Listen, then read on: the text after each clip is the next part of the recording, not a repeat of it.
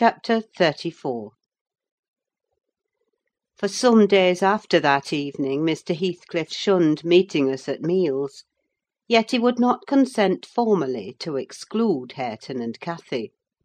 He had an aversion to yielding so completely to his feelings, choosing rather to absent himself; and eating once in twenty four hours seemed sufficient sustenance for him. One night, after the family were in bed, I heard him go downstairs, and out at the front door. I did not hear him re enter, and in the morning I found he was still away. We were in April then: the weather was sweet and warm, the grass as green as showers and sun could make it, and the two dwarf apple trees near the southern wall in full bloom. After breakfast, Catherine insisted on my bringing a chair, and sitting with my work under the fir trees at the end of the house; and she beguiled Hareton, who had perfectly recovered from his accident, to dig and arrange her little garden, which was shifted to that corner by the influence of Joseph's complaints.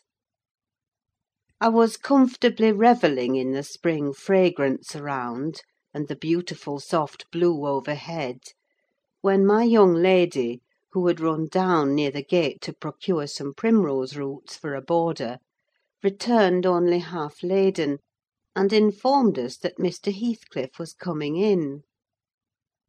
"And he spoke to me," she added, with a perplexed countenance. "What did he say?" asked Hareton. "He told me to be gone as fast as I could," she answered. But he looked so different from his usual look, that I stopped a moment to stare at him. "How?" he inquired. "Why, almost bright and cheerful. No, almost nothing: very much excited, and wild, and glad," she replied. "Night walking amuses him, then?" I remarked, affecting a careless manner, in reality as surprised as she was, and anxious to ascertain the truth of her statement; for to see the master looking glad would not be an everyday spectacle. I framed an excuse to go in. Heathcliff stood at the open door: he was pale, and he trembled; yet, certainly, he had a strange, joyful glitter in his eyes that altered the aspect of his whole face. "Will you have some breakfast?" I said. "You must be hungry, rambling about all night." I wanted to discover where he had been, but I did not like to ask directly. "No, I'm not hungry," he answered, averting his head, and speaking rather contemptuously, as if he guessed I was trying to divine the occasion of his good humour.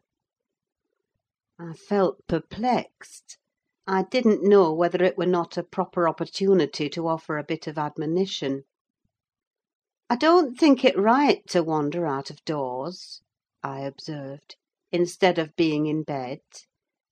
It is not wise, at any rate this moist season. I dare say you'll catch a bad cold or a fever: you have something the matter with you now." "Nothing but what I can bear," he replied; "and with the greatest pleasure, provided you'll leave me alone. Get in, and don't annoy me." I obeyed, and in passing I noticed he breathed as fast as a cat. Yes, I reflected to myself, we shall have a fit of illness. I cannot conceive what he has been doing. That noon he sat down to dinner with us, and received a heaped up plate from my hands, as if he intended to make amends for previous fasting. "I've neither cold nor fever, Nelly," he remarked, in allusion to my morning's speech, "and I'm ready to do justice to the food you give me." He took his knife and fork, and was going to commence eating, when the inclination appeared to become suddenly extinct. He laid them on the table, looked eagerly towards the window, then rose and went out. We saw him walking to and fro in the garden while we concluded our meal; and Earnshaw said he'd go and ask why he would not dine: he thought we had grieved him some way. "Well, is he coming?" Cried Catherine, when her cousin returned. "Nay," he answered; "but he's not angry: he seemed rarely pleased, indeed; only I made him impatient by speaking to him twice, and then he bid me be off to you. He wondered how I could want the company of anybody else." I set his plate to keep warm on the fender, and after an hour or two he re entered, when the room was clear, in no degree calmer: the same unnatural—it was unnatural—appearance of joy under his black brows; the same bloodless hue, and his teeth visible now and then in a kind of smile; his frame shivering, not as one shivers with chill or weakness, but as a tight stretched cord vibrates: a strong thrilling rather than trembling. I will ask what is the matter, I thought, or who should? and I exclaimed, "Have you heard any good news, Mr. Heathcliff? You look uncommonly animated." "Where should good news come from to me?" he said. "I'm animated with hunger, and seemingly I must not eat." "Your dinner is here," I returned. "Why won't you get it?" "I don't want it now," he muttered hastily. "I'll wait till supper. And, Nelly, once for all, let me beg you to warn Hareton and the other away from me. I wish to be troubled by nobody: I wish to have this place to myself." "Is there some new reason for this banishment?" I inquired. "Tell me why you are so queer, Mr. Heathcliff. Where were you last night? I'm not putting the question through idle curiosity, but—" "You are putting the question through very idle curiosity," he interrupted, with a laugh. "Yet I'll answer it. Last night I was on the threshold of hell: to day I am within sight of my heaven. I have my eyes on it: hardly three feet to sever me. And now you'd better go: you'll neither see nor hear anything to frighten you, if you refrain from prying." Having swept the hearth and wiped the table, I departed, more perplexed than ever. He did not quit the house again that afternoon, and no one intruded on his solitude till, at eight o'clock, I deemed it proper, though unsummoned, to carry a candle and his supper to him. He was leaning against the ledge of an open lattice, but not looking out. His face was turned to the interior gloom. The fire had smouldered to ashes; the room was filled with the damp, mild air of the cloudy evening, and so still that not only the murmur of the beck down Gimmerton was distinguishable, but its ripples and its gurgling over the pebbles, or through the large stones which it could not cover. I uttered an ejaculation of discontent at seeing the dismal grate, and commenced shutting the casements, one after another, till I came to his. "Must I close this?" I asked, in order to rouse him, for he would not stir. The light flashed on his features as I spoke. Oh, Mr. Lockwood, I cannot express what a terrible start I got by the momentary view. Those deep black eyes, that smile and ghastly paleness! It appeared to me not Mr. Heathcliff, but a goblin; and in my terror I let the candle bend towards the wall, and it left me in darkness. "Yes, close it," he replied, in his familiar voice. "There, that is pure awkwardness. Why did you hold the candle horizontally? Be quick, and bring another."